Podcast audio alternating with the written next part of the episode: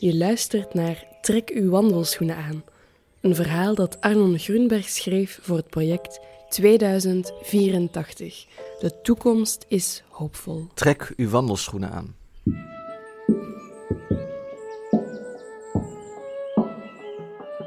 Op nummer 129 bestellen ze elke zondagavond een pizza. Hallo Pizza Planet. Ik had eh, graag één pizza quattro stagioni besteld, een pizza margherita. Ik zou graag een, een gewone pizza margarita bestellen. Allô, euh, j'aimerais bien commander une pizza napolitaine. Een man met een blinde stok en zijn zoon met een aquarium. Hallo, ehm, ik zou graag één pizza willen bestellen. Een Eén pizza quattro quattro formaggi. formaggi en twee cola's. Twee blikjes cola. Ze kennen mijn naam. Dat kun je van de meeste mensen die pizza's bestellen niet zeggen. Soms kennen ze hun eigen namen amper. Dan zeg je: Meneer de Bruyne, een Texas Special, twee Hawaii. Dan krijg je alleen te horen: Huh? Je moet niet generaliseren. Maar veel mensen zijn behoorlijk dronken als ze een pizza bestellen. En als je dan eindelijk bent, liggen ze in coma en kunnen ze niet meer open doen. Zelfs als ze het zouden willen. Maar ik ga niet 1 en 2 bellen. Niemand zit op ongevraagd advies te wachten en ook niet op een ongevraagde ambulance. Als een bikini open doen, is dat hun zaak. Sommige mensen kiezen ervoor om in coma te gaan liggen. Ook hun zaak. Zullen ze er een reden voor hebben? Mijn moeder ligt niet in coma, die is gewoon halfzijdig verlamd. Tijdens calamiteiten geef ik de bestelling bij de buren af. En als de buren niet meer zijn, zoals tegenwoordig vaak het geval is, leg ik het eten voor de deur met een briefje: Uw pizza, de bezorger. We bemoeien ons nergens mee, maar we blijven beleefd. Eigenlijk zitten we met z'n allen in één grote calamiteit. Maar mijn vader zegt dat zijn grootouders nog echte oorlog hebben meegemaakt en dat wat we nu meemaken een lachertje is vergeleken met massa-executies. Hij zegt dat je veel van de zee kunt zeggen, maar dat de zee geen armen, geen handen en geen machinegeweren heeft. Mijn vader, die wel eens gesurfd heeft, zegt dat de zee een goedaardig beest is, mits je weet hoe je mee moet omgaan. Mijn vader houdt erg van beesten, maar we hebben de honden weggedaan. Ze begonnen te stinken. Bij Pizza Planet hebben we sinds een paar maanden een nieuwe manager, Amine. En die zegt: Juist in deze tijd moeten we onze mission statement waarmaken. Een pizza bij Pizza Planet is een ervaring die begint bij het uithangbord, en dat zijn jullie. Hoe warmer de pizza, hoe tevredener de klant. Het maakt eigenlijk helemaal niet uit wat we op hebben gegooid, als het ding maar goed warm is en een beetje zout en knapperig. Toen ik net begon bij Planet, was ik zo trots op mijn Planet t-shirt dat ik ook in rondliep als ik niet werkte. Gewoon om de mensen te laten zien wie ik was. Ik had toen nog geen idee dat ik een uithangbord was. Mijn eerste pizza bezorgde ik bij een man die riep: Mongool, ik sta al een uur te wachten. Dan hoef ik hem niet meer. Het ding was niet warm. Dus Amin gaf hem gelijk. Als het ding niet warm genoeg is, mogen ze je Mongool noemen en roepen: Nou hoef ik hem niet meer. Amin zei: Je moet het begrijpen, man. Het zijn emoties. Het zijn pure emoties. Die mensen hebben niet veel meer. Eigenlijk alleen onze pizza's nog. En hun eigen shit. Vanaf die tijd trillen mijn handen als ik voor de deur sta, omdat ik nooit zeker weet of het ding warm genoeg is. Alles wat ik hier schrijf zijn mijn herinneringen, maar ik leef in mijn herinneringen. Daarom zet ik ze in de tegenwoordige tijd. Hoe dan ook praat ik het liefst in de tegenwoordige tijd. Mijn vader heeft de verleden tijd nooit onder de knie gekregen, wel in zijn moedertaal, maar niet in Nederlands. Dat leverde wel eens verwarring op, maar eigenlijk niet heel veel. Opmerkelijk hoe weinig je hebt aan de verleden tijd. Er zijn steeds minder achterblijvers. Door de week hebben we nauwelijks koks meer over. Daarom moeten wij bezorgers soms zelf pizza's bakken. Op 129 maakt ze altijd een praatje met me, terwijl ze met z'n tweeën het muntenbakje zoeken naar een fooi. Dan vragen ze: Waait het nog steeds zo? Ze kunnen het zelf horen, want de wind loeit en die vlijt als een gek, maar ze vragen het toch aan mij. Dat is lief. Je voelt je gezien, daar gaat het om.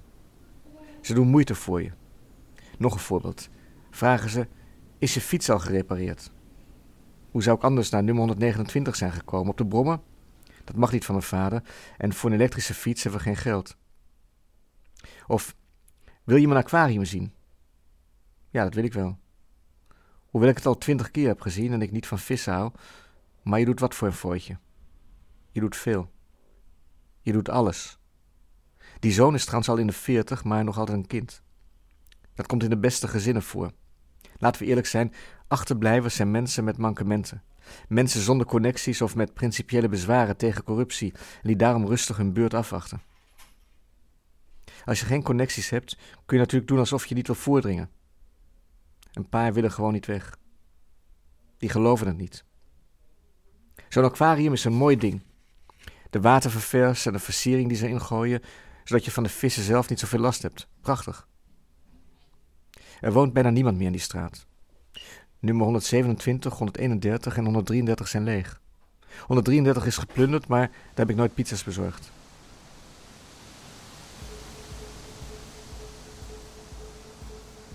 Amin zegt: Er zijn alleen nog daklozen, psychiatrische patiënten en ouderen vandaag in de stad. Maar als ze betalen, hebben ze recht op een pizza. Hebben ze recht op een stukje menselijkheid. Dat is wat wij onze klanten aanbieden: een stukje menselijkheid. Wij zijn meer dan pizzabakkers. Wij zijn verzorgers. Wij zijn hulpverleners. En jullie zijn helden. Als uithangbord denk ik daar het mijne van. Wij zijn paardjes. En we hebben geen ruiters op onze rug, maar pizza's. Zo stel ik me dat voor als ik door de wind en regen met pizza's op mijn rug fiets. Dan denk ik,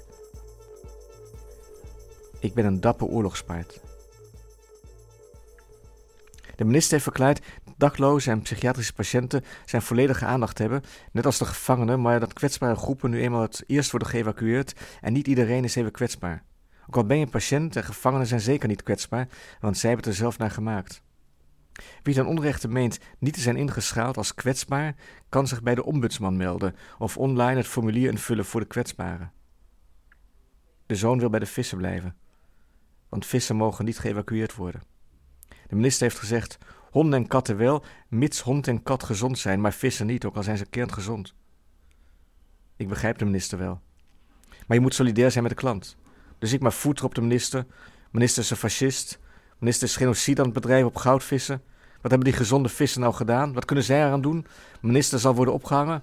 Dat hoort de klant graag. Daar doe je de klant bijna altijd een plezier mee, met dat soort uitspraken. Het is niet erg als de klant boos is. Zolang maar niet boos is op het uithangbord. Want dan wordt het weer, mongool dit, klootzak dat. Dwerg, kunnen jouw benen niet bij de trappers? Als mensen niet stom dronken zijn als ze pizza's bestellen, dan moeten ze gewoon even hun hart luchten. En misschien is dat wel wat Amin bedoelt. We zijn zoveel meer dan uithangbord alleen. We zijn intimiteit en tederheid. Als op nummer 129 vragen of het nog steeds waait, terwijl het al drie dagen aan storm is, dan noem ik dat tederheid. Wij van Pizza Planet hebben het certificaat van uitzondering gekregen. We mogen de achterblijvers van pizza's en softdrank voorzien en tot zes uur s'avonds van bier en wijn. Maar we knijpen soms een oogje toe. Want voor achterblijvers is er niet zoveel vermaak. Dus in de avonduren smokkel ik wel eens een biertje naar de goede klanten. De vader met de blinde stok zegt: Ze komen me maar halen. Ik ben hier geboren, ik ga hier niet weg. Ze moeten me als lijk uit deze woning slepen. De zoon is een kind van veertig, die begrijpt dat niet. Die begrijpt alleen zijn aquarium. Ik heb me wel eens afgevraagd wat ze de rest van de week eten, maar dat soort dingen vraag je niet. Je moet verder. Er is veel te doen. De stad is leeg en toch zijn er behoorlijk wat hongerige achterblijvers met spaargeld of mooie horloges. Een pizza is altijd feestelijk.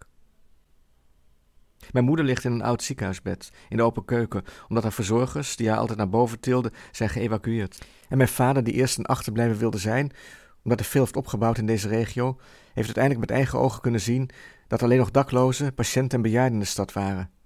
En Amin natuurlijk. Maar die man is Orkonkuur. En Amin heeft contacten bij het ministerie van Evacuatie, die ons allemaal de garantie heeft gegeven dat we een zonnige toekomst tegemoet gaan, maar dat we nu even onze wandelschoenen moeten aantrekken. En hoewel ik, uithangbord zijnde, de minister voor fascisten heb uitgemaakt, ben ik het daarmee eens. Trek die wandelschoenen aan. Het is precies zoals mijn vader zegt. De zee is goedaardig. De zee is geen soldaat. Maar je moet je wel een beetje aanpassen aan het water.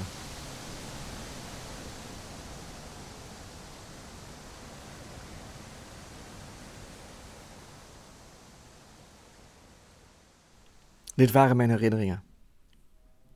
Ze zijn niet helemaal op. Ik heb nog wel meer, maar de bodem van de fles raakt in zicht. Zoals mijn vader zei als hij zijn zelfgestookte pruimenlikeur naar binnen slokte om het warm te krijgen. De arts hebben me geadviseerd om mijn leven op te schrijven, omdat ik tegen depressie aanzit. Ik noem het verdriet vanwege een verbrijzelde kaak. En wat zij adviseren noemen, noem ik dwingen. Verder maak ik het prima. Al mis ik de lui van 129. Ze waren mijn vrienden, maar dat besefte ik pas toen het te laat was. Ook daar doe ik niet moeilijk over. Zodra het kan, stuur ik ze een kaartje waarop ik zoiets zal schrijven als: Hoi, hoe is het met jullie in de vissen? De bezorger van jullie quattro formaggi. Zullen ze leuk vinden. Ik schrijf tegen mijn zin, maar ik wil niet dat ze later zeggen: Je leven is verpest omdat je onze adviezen niet hebt opgevolgd. Zelf kan ik mijn kaak niet zien, die zit in het verband. Maar volgens de arts is hij verbrijzeld en ze zouden zoiets niet zeggen als dat niet zo is. Ik ben van het type vertrouwde wetenschappers, geloofde slachtoffers. Dus reken er maar op dat die kaak van mij goed verbrijzeld is. Daar kom je ook weer overheen en de arts heeft me verzekerd dat ik er niet dood aan zal gaan. En dat ik over twaalf maanden, met een beetje geluk eerder, gewoon normaal zal kunnen eten en dat vind ik prima. Ik heb nooit iets anders gewild. Iedereen mag dromen, maar als kind besefte ik al dat het grote, het speciale, het slimme niet voor mij is weggelegd. Zwemkampioen worden bijvoorbeeld, of wat voor kampioen dan ook, dat staat er niet in. Ik zal straks even uitleggen waarom. In het heel kort komt het op neer dat ze altijd tegen mij hebben gezegd: Jij mag blij zijn dat je nog leeft. En daar ben ik ook blij mee.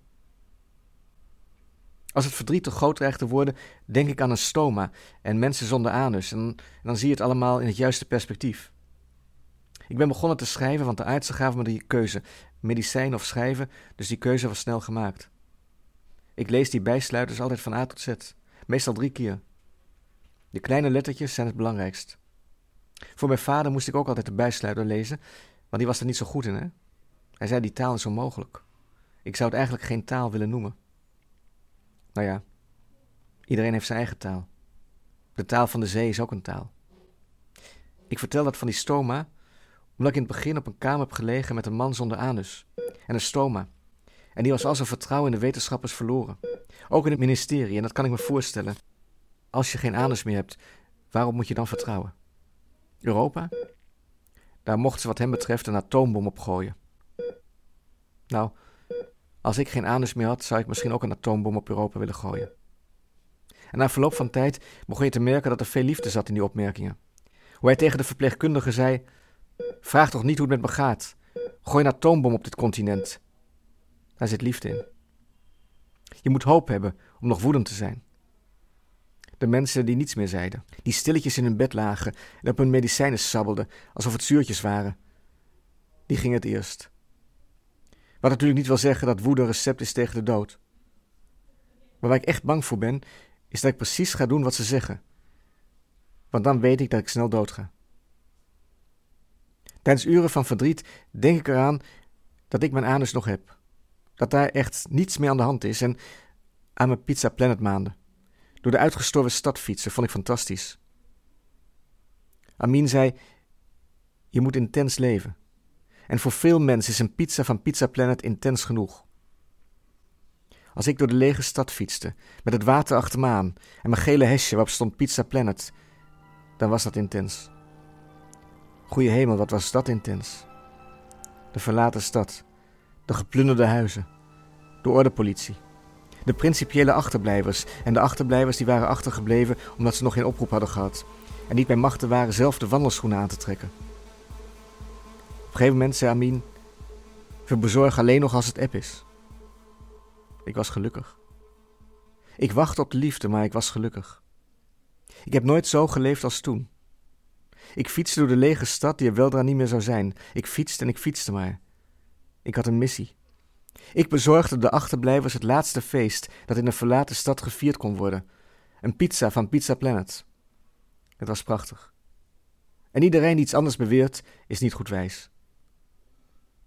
Als ik daaraan denk, dan kan ik er weer een paar uur tegen. Dan hoeven ze je niet vol te stoppen met medicijnen die je rijvaardigheid beïnvloeden en ook vaak vitale lichamelijke functies. Ik heb momenteel geen seksleven, maar denk dat ik er binnenkort eentje krijg. Want als mensen beseffen dat de dood nabij is, dan denken ze niet te lang na over moeilijke keuzes en laten ze kansen niet lopen. Dat hebben mijn zussen ook gedaan. En zelfs de man zonder anus had een vriendin. Prachtig. Je begreep niet goed wat hij zag in een man zonder anus, maar je hoeft niet alles te begrijpen. En elke keer als ze hem bezocht, zei ze tegen hem: Het kan me niet schelen dat je geen hebt. Wat aan de voorkant zit, doet het nog prima. Maar hij riep alleen: Lieg niet tegen me. Ruik je mijn stoma niet? Gooi je atoombom op dit continent. Een verpleger fluisterde in mijn oor.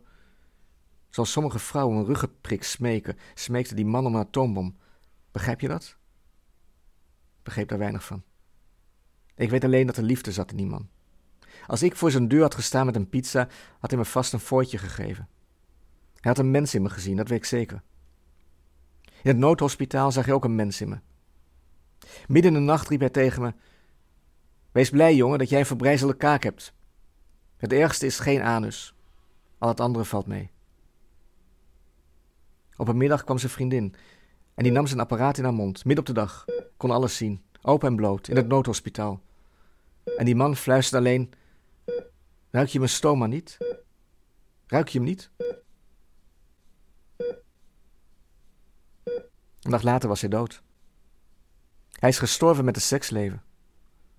De zon scheen, de schoonmaakploeg kwam, de lakens en dekens verwisselen en hop, toen kwam de volgende patiënt. Er is hoop. Want het oude maakt plaats voor het nieuwe, zei Amin. Op nummer 175 greep een oude heer een driedelig pak met een onderscheiding in zijn knoopsgat, maar altijd in het kruis voor hij de pizza aanpakte. Als uithangbord maak je daar geen punt van. De pizza hoefde bij hem niet warm te zijn. Als hij me maar in mijn kruis kon grijpen. Voor wat hoort wat. Ik was een oorlogspaard. En als ze ooit een film of een podcast over me gaan maken, hoop ik dat die het oorlogspaard gaat heten. En ik hoop dat ze dan ook veel ruimte geven aan die lui van nummer 129. Want die lui hebben behoorlijk wat over me te vertellen. Hoe dan ook. Kwetsbare bevolkingsgroepen eerst. Allemaal mooi en aardig. Maar die kwetsbare groepen hebben het ook niet makkelijk. Ik zeg altijd: wie kwetsbaar is, is niet geprivilegeerd. En als denkend mens ben je liever kwetsbaar dan geprivilegeerd. De artsen die ik volledig vertrouw, hebben me de keuze gelaten, omdat ze van de humane behandeling zijn en de mens eerst komt, zelfs in dit noodhospitaal. Ze zeggen: jouw lichaam, jouw kaak, jouw leven. Wij geven slechts adviezen, maar jij beslist, samen met je vader en moeder. Vroeger was het dwang, tegenwoordig heeft de patiënt wat te kiezen. Nou, dat vind ik mooi. Want Amin heeft altijd beweerd: de klant moet wat te kiezen hebben. En als hij niets te kiezen heeft, is er geen klant meer. Een Texas Special is iets anders dan een pizza Buffalo Wings, al was het maar vanwege de naam. Amin heeft ook gezegd: een beetje paardenvlees is goed voor de klant. Paarden mogen niet geëvacueerd worden. Namens Pizza Planet heeft Amin zich over een paar van die arme dieren ontfermd en daar word ik vrolijk van. Zo'n man is ooit hè? Die weet wat hij doet. En heeft ons bezorgers altijd verteld dat de calamiteit zijn specialiteit is, want hij heeft een verleden. Elke crisis is een kans, zegt Amin. Elke kans is een crisis. Weet je wat op een groot bord voor ons bezorgers had geschreven? Pak de crisis. Pak de kans. Nou, dat hebben we gedaan. Een van ons is te paard de quattro gaan bezorgen, maar dat durfde ik niet. Ik was zelf het paard. Om terug te komen op het noodhospitaal. Vader en moeder zijn er niet. Dus ik beslis nu alles en ik heb gezegd: Ik schrijf het allemaal wel op, als dat is wat jullie gelukkig maakt. Ik moet zeggen dat ik veel aan nummer 129 denk en die vissen en dat ze altijd op zondagavond tegen me zeiden: Daar ben je weer, Lubos. Die blinde zag me natuurlijk niet, maar die rookte quattro formaggi. Dan wist hij genoeg. Ik praat altijd met die twee, hoewel ik geen moedertaal heb, anders dan mijn zussen, die goed op nummer 129 zagen ze mij als mens en hebben mijn ouders ze tot opa en oma geschopt, terwijl ze dachten nog jarenlang jong te blijven, maar mijn zussen konden niet wachten. Nu zitten ze tussen de luiers en ik schrijf mijn leven op om de medicijnen te snel af te zijn. Zoiets laat je niet zomaar over je heen komen. Ik betaalde die twee met gelijke munt terug. Ik ben Lubos, 17 jaar oud, geboren in Slowakije en tegenwoordig in het bezit van een verbrijzelde kaak. Toen ik tien was, hebben mijn ouders een aanbod gekregen van een oom dat ze niet konden weigeren En we zijn zo vanuit Slowakije naar Blankenbergen gereden, waar mijn ouders een schoonmaakbedrijf uit de grond hebben gestampt, omdat de Belgen niet van viezigheid houden, maar zelf geen tijd hebben om er tegen te vechten. Nou, mijn ouders wilden niets liever dan tegen andermans viezigheid vechten, en terwijl we nog door Duitsland aan het rijden waren, legde mijn moeder al het hele schoonmaakbedrijf van ons uit. De hele aanpak, de hele strategie, de hele droom heeft ze uit de doeken gedaan, terwijl we met 160 over de autobaan reden, want mijn vader is een ongeduldig mens. Die kan niet wachten. Hij wordt eigenlijk pas geduldig als hij zijn zelfgestookte pruimenlikeur naar binnen heeft gewerkt. Mijn twee zussen waren toen nog niet gelukkig in de liefde. Er zijn mensen bij Pizza Planet die zeiden: Die zussen van jou zijn strategisch zwanger geworden. Maar dat is natuurlijk onzin. Je wordt zwanger of je wordt het niet. Je hebt een anus of je hebt er geen. Er is niets tussenin. Dat is geen kwestie van strategie. Mijn ouders hebben van het schoonmaakbedrijf een succes gemaakt, omdat ze harde werkers zijn en fatsoenlijke burgers. Het eten alles snel propen, afgekort ASP, want mensen houden van snelheid en ze haten viezigheid. Eerst hebben mijn zus en ik voor ASP gewerkt. In die tijd moest iedereen nog aanpoten. Voor school, na school, soms tijdens school. Mijn vader zei altijd: In Blankenbergen ben ik optimist geworden. Dat kwam omdat alles wat hij deed in Slowakije mislukte. Dus daar kon hij geen optimist zijn. Ja, je kunt het wel zijn, alleen slaat het nergens op. In Blankenbergen werd alles snel propen, schoonmaakbedrijf nummer 1. En toen werd mijn vader eigenlijk vanzelf een optimist. We hadden 15 man personeel. De naam van het bedrijf zei alles. Die naam was een belofte. Die naam was een ideaal. Onze mission statement mocht er ook zijn. Wij zeggen tegen geen enkel vuil nee. En ik was trots want het was een familiebedrijf. We hebben daar aan die Belgische kust alle viezigheid in een mum van tijd verwijderd tegen concurrerende tarieven en niet goed geld terug, want mijn vader hield niet van boze klanten. Hij was van de religie klant is koning, daarom boog hij veel en was de hele dag: Hallo meneer, dag mevrouw, hoe is het met de kinderen? Natuurlijk komen we met één langs, we zitten vol, maar voor u heeft alles snel propen altijd een gaatje. Kantoren en huizen, garages en winkels. Ze verstonden soms niets van, want het was half Slovaaks, maar omdat hij de hele tijd aan het buigen was, begrepen ze wel dat hij het goed bedoelde. Het personeel dat geen papier had, kreeg van mijn vader wel eens een oorvijg. Maar dat komt doordat mensen zonder papieren minder hard werken en dat soort types groeien toch een tweede kans. Zo was hij. Het was eigenlijk ook een vertaalprobleem. Dat slaan van mijn vader. Bij mijn geboorte was er gedoe met de zuurstof omdat klem zat. Uiteindelijk is het goed gekomen, dan ben ik een beetje klein gebleven en trek ik met mijn rechterbeen, maar als ik voor de deur stilsta met quattro formaggi in de hand, zie je er niets van. En kun je een mens zien. Al heb je altijd een paar hardnekkigen tussen zitten die weigeren een mens te zien. Maar ik heb van mijn vader geleerd, klant is koning. Dus altijd een beetje buigen. En achteruitlopend vragen, hoe is het met de kinderen? Hoe is het met de hond? Hoe is het met de buitenlanders? Maak ze weer een zootje van? Is de minister een fascist? Ook al zien ze geen mensen, je blijven buigen. Want klant is koning en eerlijk is eerlijk, wij zien in de klant natuurlijk ook niet altijd een koning. Veel vaker zien we uitschot in ze. Ik zou zeggen 95% van de klant is uitschot, 4% is koning en 1% zit er tussenin. Dat hoeven ze niet te weten en zolang niemand dat weet is iedereen gelukkig. Daarom is mijn vader een optimist. Mijn oudste zus, Waleska, was een beauty. Zelf ben ik iets minder beauty, maar ik mag het toch wezen hoe klein ik ook ben. Belgen vonden haar exotisch met haar witte laarzen waarmee ze namens alle snel proper langskwam. En eerlijk is eerlijk, zij had geen zuurstofprobleem bij de geboorte. Dat kun je ook aan haar zien. Er zit veel zuurstof in haar lijf. De buik moet plat zijn, maar de rest mag zo rond zijn als een pizza, zegt Amin. Nou, dat is haar gelukt. Ze wilde danseres worden, maar raakte zwanger van de eigenaar van een visrestaurant in Oostende, bij wie alle snel proper twee keer per week kwam schoonmaken. En vlak daarna is het hele visrestaurant geëvacueerd, inclusief eigenaar en Waleska moest langzaam constateren dat de eigenaar kennelijk weinig belangstelling had in zijn eigen kind. Hoewel ze heel lang heeft volgehouden dat het kwam omdat hij zijn mobieltje was verloren. Eigenlijk houdt ze dat nog steeds vol. Hij is gewoon een nummer kwijtgeraakt. In tijden van evacuatie raakt iedereen wel iets kwijt. En iedereen moet iets constateren in zijn leven. Als je eens weet wat ik allemaal heb geconstateerd. Mijn vader zegt dat alles snel propen Waleska's zoon zal incorporeren in de toekomstige bedrijfsstrategie. Zo is hij. Alles snel proper eerst, de rest later, maar het gezin nooit vergeten. En ongedocumenteerde vreemdelingen een tweede kans bieden. Nu is vrijwel iedereen ongedocumenteerd. Onze kans is gekomen, maar als ik om me heen kijk in het noodhospitaal, ziet het er niet naar uit dat iedereen bereid is die te grijpen. Ik weet zeker dat mijn vader zijn tweede kans zal grijpen, net als Waleska en Dalenka. Nu we het toch over ongedocumenteerde vreemdelingen hebben, moet het me van mijn hart dat mijn tweede zus Dalenka zwanger is geworden van een ongedocumenteerde vreemdeling, die een paar maanden in dienst was van alles snel propen. Zelf begreep ze niet hoe het heeft kunnen gebeuren, want het was maar één keertje heel snel in de recreatieruimte van een bejaardentehuis, waar alle snel propen flink moest boenen. Mijn vader zegt dat het bewijst dat de familie buitengewoon vruchtbaar is en dat we daarvoor dankbaar mogen zijn. Dankbaar zijn en dankbaar blijven. Daar komt het op aan als je een beetje gelukkig wilt zijn in dit leven. Dat zeggen psychologen ook, maar omslachtigen. Zoals dat 40-jarige kind dankbaar was voor zijn aquarium. En dankbaar dat ik daar zondagavond met een quattro formaggi en twee blikjes cola voor de deur stond. Als je dankbaar bent, echt dankbaar van binnen, maakt het niet uit of je een anus hebt of niet.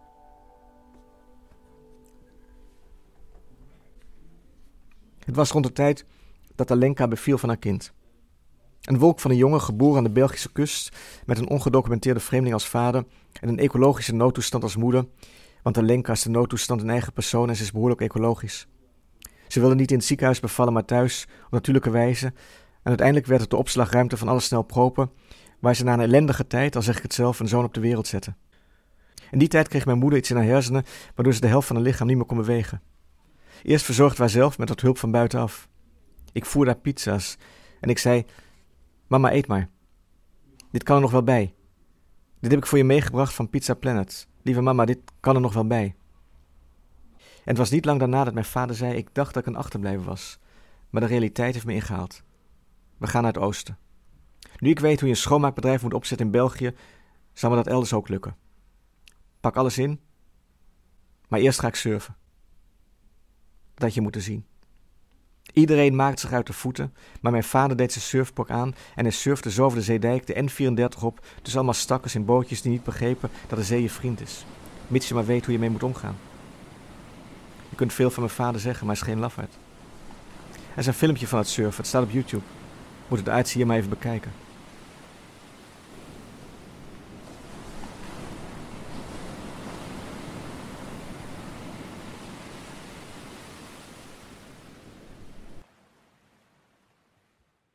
Daarna pakten we alles in.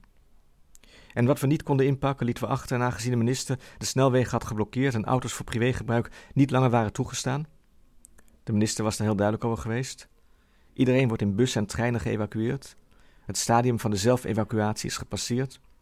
Regelde ik via Mien twee paarden die eigenlijk bedoeld waren voor Pizza Planet. Maar mijn vader wist wat de paarden waard waren. En hij weet ook wat onderhandelen is. En hij zei: Dit moet je bieden. Toen zei hij: Laat mij het maar zelf doen. En uiteindelijk lukt het ons de paarden te bemachtigen op een kaar die we altijd hadden gebruikt om de apparatuur van alle snelpropen te vervoeren, legden we heel voorzichtig moeder. We pakten haar goed in. Vier, vijf dekens, twee kruiken. We trokken haar warme kleren aan en mijn vader nam twee flessen whisky mee om moeder een slokje te geven als het koud kreeg. Want het was koud voor de maand maart. En mijn vader zei tegen haar: We gaan terug naar het oosten, vrouw. We hebben een mooie tijd gehad aan de Belgische kust. Het was half zwemmen, half lopen, maar de goede paarden waren niet bang voor het water, want in de jeugd hadden ze over het strand gedraafd. Moeder was een soort van plant, maar beter dat dan geen moeder. Mijn zus had hun baby's in draagzakken zich en Waleska had natuurlijk haar witte laarzen aan, die al snel niet meer zo wit waren, want we gingen door de bossen en mijn vader praatte Slovaaks met de paarden.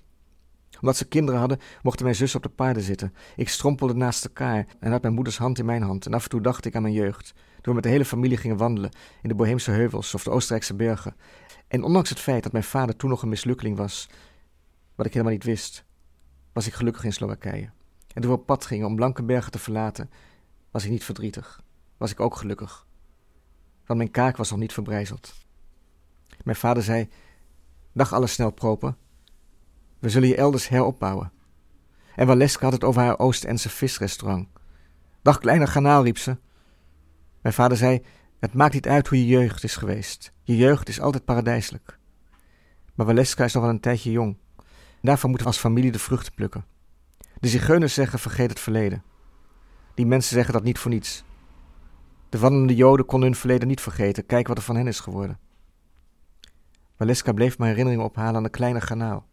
En de verwekker van haar kind, al was die haar en dat kind totaal vergeten, maar toch hield ze van hem. Dwars door het vergeten heen. Met dat kind in de draagzak hield ze van hem. Ze bleef ervan overtuigd dat hij ook van haar hield, dat hij gewoon haar nummer kwijt was. En Dalenka hield niet op over haar ecologische bevalling in de opslagruimte van alle snel propen. De minister had gezegd dat de slechte zaadkwaliteit en het gebrek aan voortplanting de grootste bedreiging waren voor de mensheid. En dat we ons zo snel mogelijk moesten richten op voortplanting. Ik kan veel van mijn zussen zeggen, wat hebben ze gedaan? Ze hebben gedacht: we gaan de Europeaan niet laten uitsterven. En we gaan de Europeaan ook niet redden met geïmporteerde mensen uit andere werelddelen. We gaan ons helemaal op eigen kracht voortplanten. Ik dacht aan het blinde en zijn zoon. En natuurlijk aan Amin, die had gezegd: Jij zal overal vrienden maken. Jij zal altijd mensen vinden die jou helpen. Je bent klein en je hebt een been dat trekt. Maar je hebt iets speciaals waardoor ik me geen zorgen om jou maak. Helaas moet ik hier de achterblijvers van pizza's voorzien.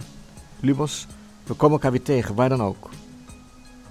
De zee komt, maar wij zijn sneller dan het water. Niets is voorbij en niets is voor niets. En toen zong hij zijn favoriete liedje dat hij s'avonds altijd zong als we klaar waren met werken. Je suis venu te dire que je m'en vais, et larmes n'y pourront rien changer.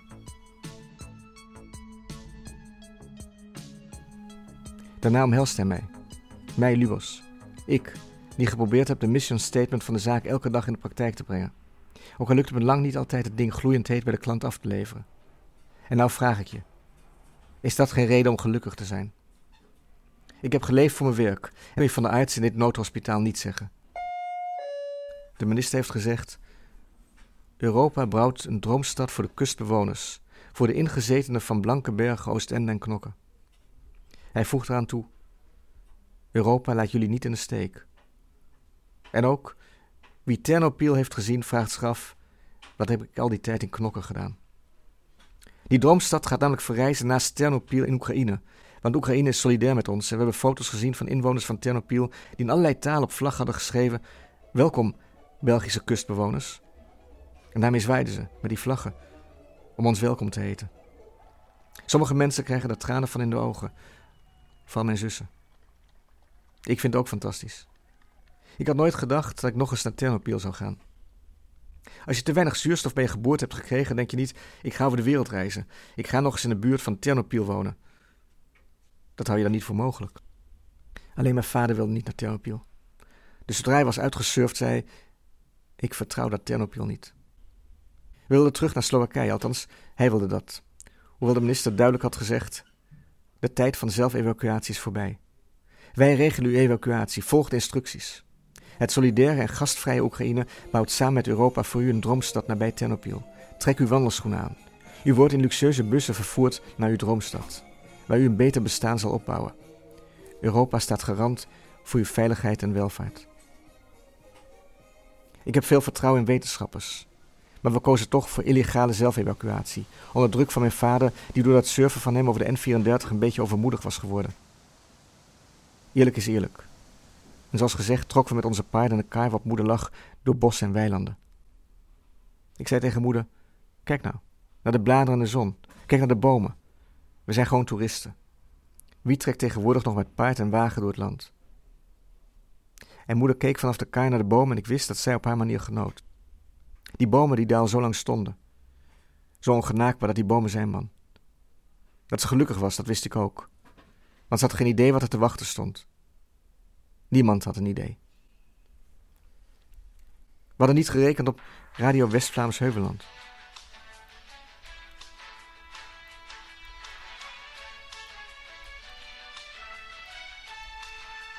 Als in België woonachtige Slowaken luisterden wij niet naar de radio en zeker niet naar die zender. De luisteraars van Radio West-Vlaams Heuveland moesten niets van zelfevacueerders hebben.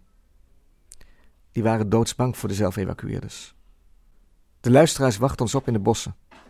Ze hadden machetes bij zich en keukenmessen en hier en daar een wapen als ik me niet vergis. Een mens is natuurlijk nooit alleen luisteraar. Soms gaat de luisteraar tot actie over. De jonge luisteraars riepen: Wie zijn jullie? Mijn zussen riepen: Wij zijn geen zelfevacueerders. De bedrijfsstrategie van alle snel propen stroomt hun aderen. De klant heeft altijd gelijk. Maar toen de luisteraars van het, van het op zichzelf ongetwijfeld fatsoenlijke radiostation Radio is radio, vieze plaatjes komen niet aan de pas. Met messen onze paarden begonnen te steken.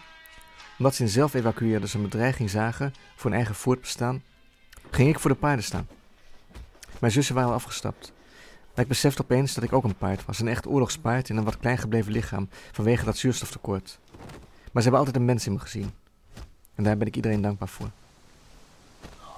Het was een prachtige, maar koude dag.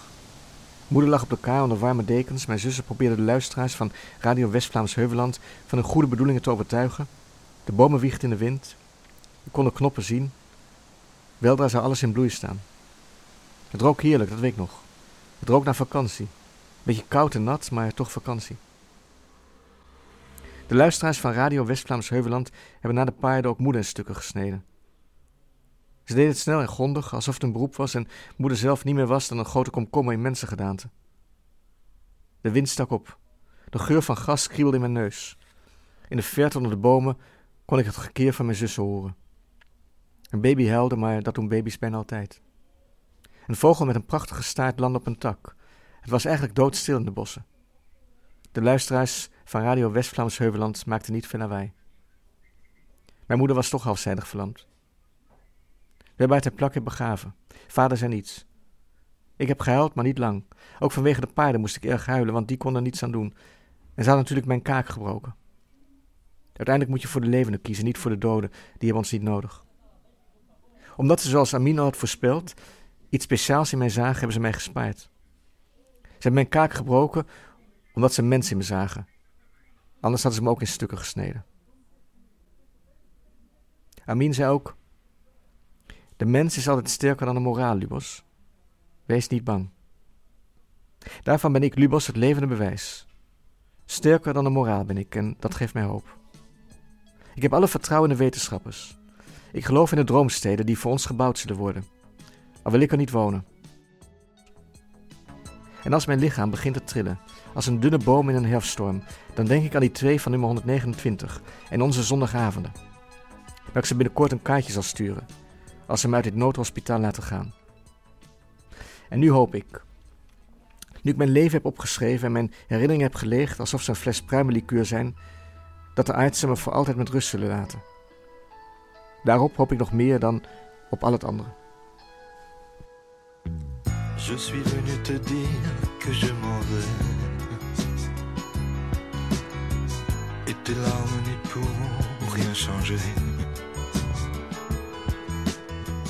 Comme d'ici bien Verlaine, au vent mauvais. Je suis venu te dire. Dit verhaal werd geschreven en voorgelezen door Arnon Groenberg en verwerkt tot luisterverhaal door mij, Jelena Schmitz. Deze tekst maakt deel uit van het project 2084, De toekomst is hoopvol, van Green Track Gent, in samenwerking met onder andere het Vlaams-Nederlands Huis De Buren. Lees alle hoopvolle verhalen in het boek Over Overmorgen